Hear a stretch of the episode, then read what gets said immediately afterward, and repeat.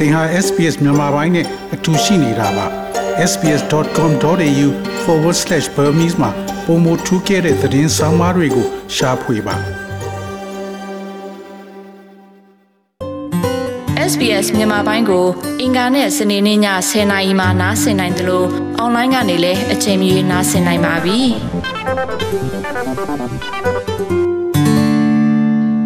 ။သရရှင်များရှင် ဒီတစ်ပတ်အတွက်အခြေချနေထိုင်ခြင်းလမ်းညွှန်အစီအစဉ်မှာတရုတ်နှစ်တစ်ကူအကြောင်းကိုတင်ဆက်ပေးမှာဖြစ်ပါတယ်။တရုတ်နှစ်တစ်ကူဆိုတာဩစတြေးလျရဲ့ရိုးရာတွေမှာနှစ်ပေါင်းများစွာစိတ်ဝင်ပါဝင်လာတဲ့ယဉ်ကျေးမှုတစ်ခုဖြစ်ပါတယ်။ဥပမာအနေနဲ့ပြောရမယ်ဆိုရင်ဆစ်ဒနီမြို့မှာကျင်းပတဲ့တရုတ်နှစ်သစ်ကူးဟာဆိုရင်အာရှတိုက်ရဲ့ပြင်ပမှာအရှိကြာဆုံးကျင်းပလာတဲ့ပွဲတော်ဖြစ်ပါတယ်။တရုတ်နှစ်သစ်ကူးရဲ့မူလအစကဘာလဲ။ ဩစတြေးလျနိုင်ငံမှာဘလို့ကျင်းပကြတယ်လဲဆိုတာကို တင်ဆက်ပေးမှာဖြစ်ပါတယ်။ဒီနှစ်အတွက်တရုတ်နှစ်သစ်ကူးနေ့ဟာဖေဖော်ဝါရီလ၁ရက်နေ့ဖြစ်ပါတယ်။ဒီနှစ်ဟာကြားနှစ်ဖြစ်ပါတယ်။ Pen Wang ဟာ University of New South Wales ကတရုတ်နဲ့အာရှဆိုင်ရာဘာသာရပ်ကိုသင်ကြားပေးသူတူဖြစ်ပါတယ်။တရုတ်နှစ်တကူကို15ရက်ကြာကျင်းပလေးရှိတယ်လို့သူကရှင်းပြပါတယ်။ Lunar New Year is the beginning of a lunar calendar year based on the cycles of the moon. It can be also called the Chinese New Year or Spring Festival. It's celebrated in China and other East Asian တရုတ် countries. နှစ်တကူကတော့ Korea, လ Vietnam, ပေါ်အခြေခံပြီးတော့ Japan, ရေ and တွက် Myanmar ထားတဲ့ Chinese ပြက္ခဒိန်နှစ်စတင်တဲ့အချိန်ပဲဖြစ်ပါတယ်။လရဲ့အနေအထားပေါ်မူတည်ပြီးတရုတ်နှစ်တကူကို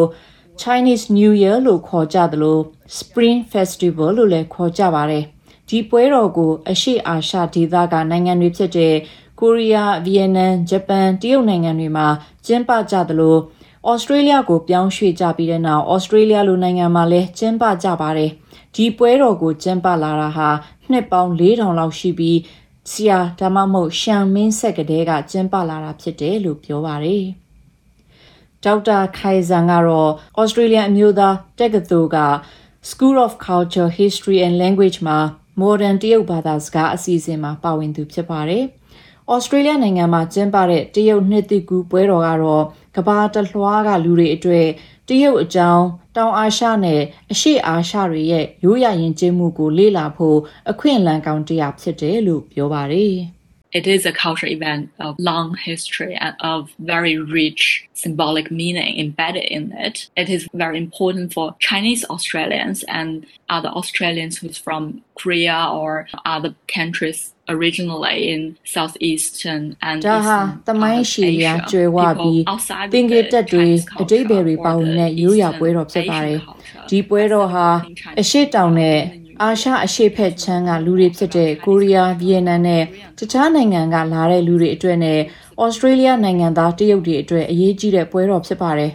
အရှိအာရှသားတွေရဲ့ရိုးရာယဉ်ကျေးမှုဒါမှမဟုတ်တရုတ်တို့ရဲ့ရိုးရာယဉ်ကျေးမှုနဲ့မရင်းနှီးတဲ့လူတွေအတွက်တရုတ်နှစ်တီကူကတရုတ်ကိုရီးယားနဲ့အရှိအာရှအပြင်အရှိတောင်အာရှကလူတချို့ရဲ့ရိုးရာယဉ်ကျေးမှုကိုသိနာလည်ဖို့အခွင့်အလမ်းကောင်းဖြစ်တယ်လို့ပြောပါတယ်။ နှစ်သစ်ကူးရဲ့15ရက်မြောက်နေ့မှာမီထုံပွဲတော် Lantern Festival ကိုကျင်းပလေးရှိတယ်လို့ဒေါက်တာခိုင်ဇန်ကပြောပါတယ်။ It's called the Lanterns Festival because there's a, this tradition. Every family would make this little lantern for their children and they would literally light up the lanterns outside their doors. And uh, as far as we can go back မီ to ထုံပွဲလို့ history, ခေါ် as ကြပါတ early ယ် as ဘာလို့လဲဆိုတော့ independence, မိသားစုတိုင်းက it သူတို့ရဲ့ကလေးတွေအတွက်မိဘုံမိအိမ်တွေပြုလုပ်ပေးကြပြီးအိမ်ပြင်ပမှာမိဘုံတွေလွတ်တင်ကြတဲ့အတွက်ဖြစ်ပါတယ်။တမိုင်းကိုပြန်ကြည့်မယ်ဆိုရင် သံမင်းဆက်လက်ထက်ကလေးကကျင်းပလာတာဖြစ်ပြီးအဲ့ဒီနေ့မှာပွဲတွေအကြီးအကျယ်ကျင်းပကြပြီးကလေးတွေဟာသူတို့ရဲ့မိဘုံကိုကင်ပြီးမိသားစုတွေနဲ့အတူဈေးကိုသွားလေးရှိတယ်လို့ပြောပါတယ်။ဩစတြေးလျနိုင်ငံမှာတရုတ်နှစ်တိကူကိုနီးပေါင်းစုံနဲ့ကျင်းပကြတယ်လို့လည်းဒေါက်တာဝမ်ကပြောပါတယ်။ It's celebrated like through food, eating fish, dumplings, gathering with families, and uh, also with friends.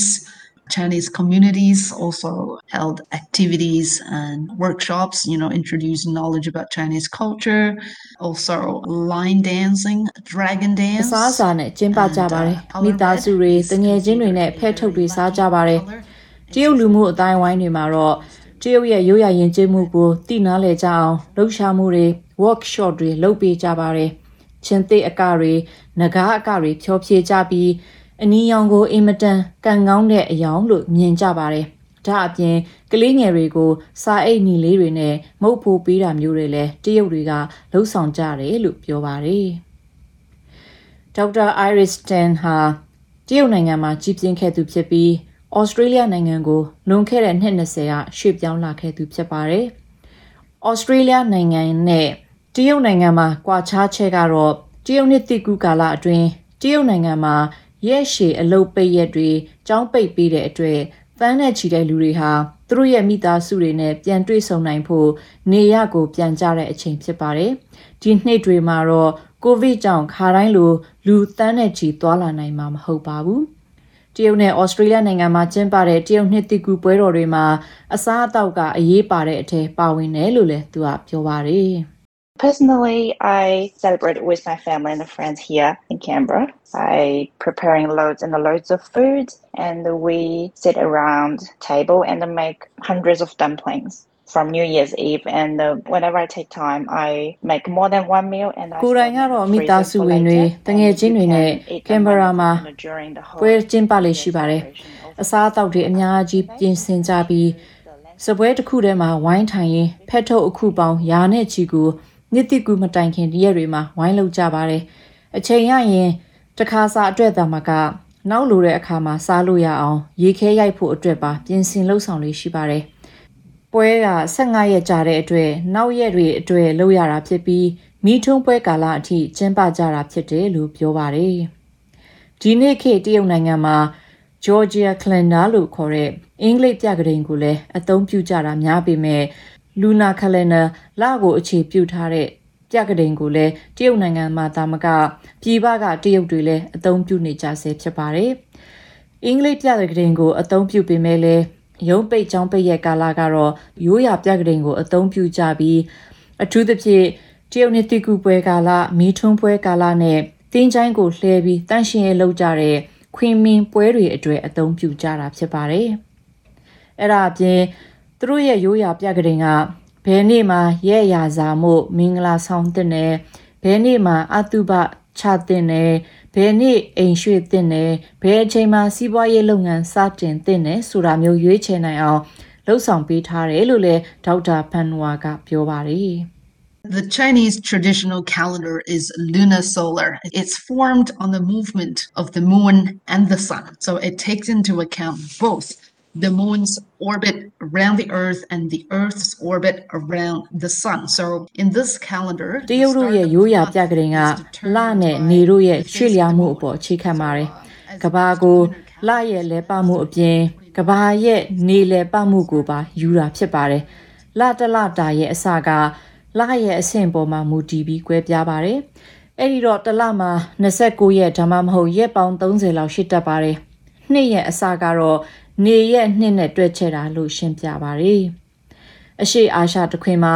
တရုတ်ပြက်ကတိန်ကွာခြားမှုတွေလည်းရှိပါတယ်။နှစ်တစ်ကူနေဟာလည်းတစ်နှစ်နဲ့တစ်နှစ်မတူပေမဲ့လည်းဇန်နဝါရီလဒါမှမဟုတ်ဖေဖော်ဝါရီလအတွင်းမှာကြာရောက်လို့ရှိတယ်လို့ဖန်ဝါကပြောပါတယ်။ It is in between end of January to mid February, this range. So this year happens to be in February. So whichever month, the first lunar month is the beginning of spring, and the spring festival is held on that particular day. If you look at the difference between the lunar calendar ဇန်နဝါရီလအစောပိုင်းကနေဖေဖော်ဝါရီလဝက်လောက်အကြားမှာဖြစ်တတ်ပါတယ်ဒီနှစ်နှစ်တိကူနေရ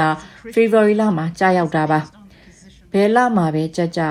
အဲ့ဒီကြားတဲ့လဟာຫນွေဦးရဲ့အစနှစ်တိကူနှစ်ဖြစ်ပါတယ်။အင်္ဂလိပ်ပြက်ကလေးနဲ့တရုတ်တွေအသုံးပြုတဲ့ပြက်ကလေးကဘာကွာတယ်လဲဆိုတော့အင်္ဂလိပ်ပြက်ကလေးကနေကိုအခြေပြုထားတဲ့ပြက်ကလေးခရိယန်ဝါဒကိုအခြေပြုထားတဲ့ပြက်ကလေးဖြစ်တယ်လို့ပြောပါတယ်။ဒေါက်တာခရိတ်စမစ်ဟာ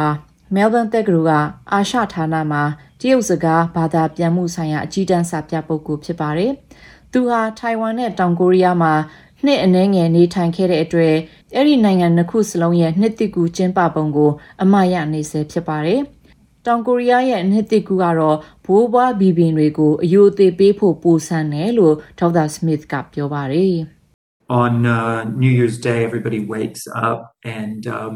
sets out a meal for deceased ancestors and remember them and uh, offer them drinks. And of course, today, new religions have mixed in with these and old နှစ်သစ်ကူး religions နေ့မှာ as well. လူတိုင်း So အိယာက Buddhist နိုးတာနဲ့ family ခွဲလွန်သူဘိုးဘွားဘီဘင်တွေအတွေ့အစားအသောက်တွေပြင်ဆင်ပြီးအောက်မေ့ပွဲပြုလုပ်ကြပါတယ်။ဒီနေ့ခေတ်မှာတော့ကိုးကွယ်ရဘာသာနဲ့ရောရှက်ပြုလုပ်လာကြပါတယ်။ဗုဒ္ဓဘာသာမိသားစုဝင်တွေကနှစ်သစ်ကူးနေ့မှာမေတ္တာတုတ်ယူဆိုတာမျိုးတွေလုပ်ကြတယ်လို့ပြောဆိုထားပါတယ်။တရုတ်နှစ်သစ်ကူးရိုးရာဟာ တရုတ်နိုင်ငံပြင်ပက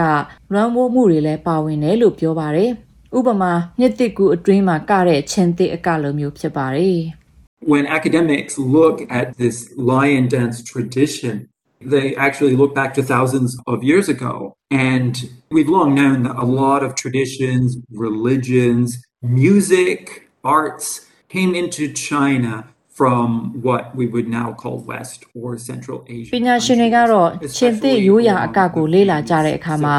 အဲ့ဒီရိုးရာအကကိုကျင့်သုံးလာတာနှစ်ပေါင်းထောင်နဲ့ချီရှိပြီဆိုတာသိကြရပါတယ်။တရုတ်နိုင်ငံမှာအသုံးများတဲ့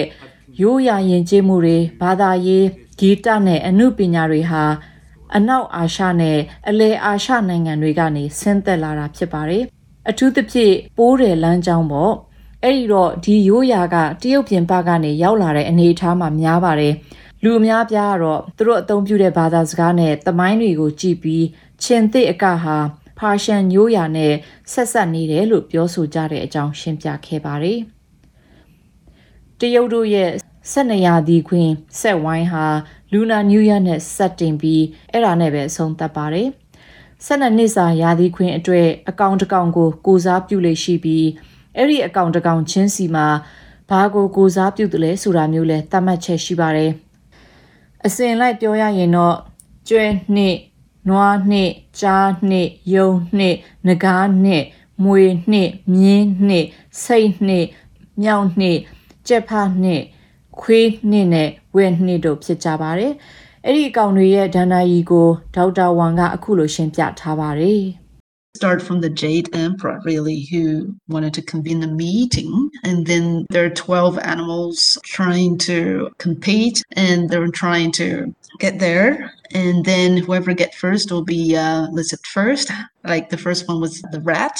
And the second one was ox. ကျောက်စိန်အင်ပါယာခေတ်မှာစတင်ပြီးအဲ့ဒီအင်ပါယာမင်းကအစည်းအဝေးတစ်ခုကျင်းပဖို့ရှိပါတယ်။တရိษံ12မျိုးကလည်းအဲ့ဒီအစည်းအဝေးကိုတက်ရောက်နိုင်ဖို့ရှင်ပြိုင်မှုတွေလုပ်ခဲ့ကြတယ်လို့ဆိုပါတယ်။ အရင်ဆုံးဘယ်သူရောက်မလဲဆိုတာကိုပြိုင်ကြတာပါ။အရင်ဆုံးရောက်သွားတာကကြွက်ဖြစ်ပြီးဒုတိယကနွားစသဖြင့်အစဉ်လိုက်ရောက်သွားကြတာဖြစ်ပါတယ်။အဲ့ဒါကြောင့်နှစ်တိကူအတွက်အကောင်တွေကိုတတ်မှတ်တဲ့အခါမှာအဲ့ဒီအတိုင်းကိုတတ်မှတ်လာကြတာလို့ဒိုင်ယာရီပုံပြင်မှာဖော်ပြထားတဲ့အကြောင်းရှင်းပြထားပါတယ်။ဒေါက်တာဝမ်ရဲ့အဆိုအရကြားသတ္တဝါကတော့ အားအင်ရှိမှုထိန်းချုပ်နိုင်စွမ်းရှိမှုတွေဖြစ်ပါတယ်။ဒီကယောဂကာလအတွင်းလိုအပ်တဲ့အင်အားတွေဖြစ်တယ်လို့လည်းသူကပြောပါတယ်။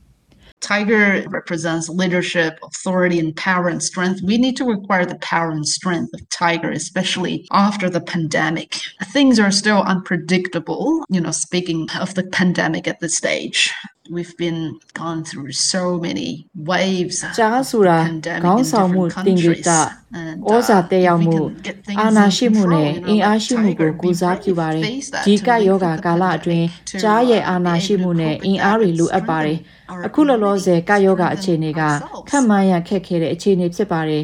နိုင်ငံအများအပြားမှာလည်းကိုဗစ်လှိုင်းတွေတစ်ခုထက်မကကြုံတွေ့နေကြရပါတယ်အကယ်လို့ကျွန်တော်တို့တွေကသာကြားလို့ထိန်းချုပ်နိုင်စွမ်းတဲ့တတ္တိတွေရှိရင်တော့ကျွန်တော်တို့ရဲ့ကိုယ်ခံအားတွေလည်းကျန်းမာတန်ဆွမ်းပြီးအဲ့ဓာတွေကိုရင်ဆိုင်ကြော်လွှားနိုင်မှာဖြစ်တယ်လို့ရေးထားတဲ့ Chaira Fazano ရဲ့ဆောင်းပါးကိုတင်ဆက်လိုက်ပါရရှင်။ကျမကမူလှိုင်းသိမ့်ပါ SBS မြန်မာပိုင်းကို အင်္ဂါနဲ့စနေနေ့ည10:00နာရီမှနားဆင်နိုင်ပါတယ်။နားဆင်နိုင်တဲ့နည်းလမ်းအများကြီးရှိပါတယ်။ Radio Digital TV online ဒါမှမဟုတ် SBS Radio App ကနေတဆင့်နားဆင်နိုင်ပါတယ်။ SBS မြန်မာပိုင်းအစီအစဉ်ဖြစ်ပါတယ်ရှင်။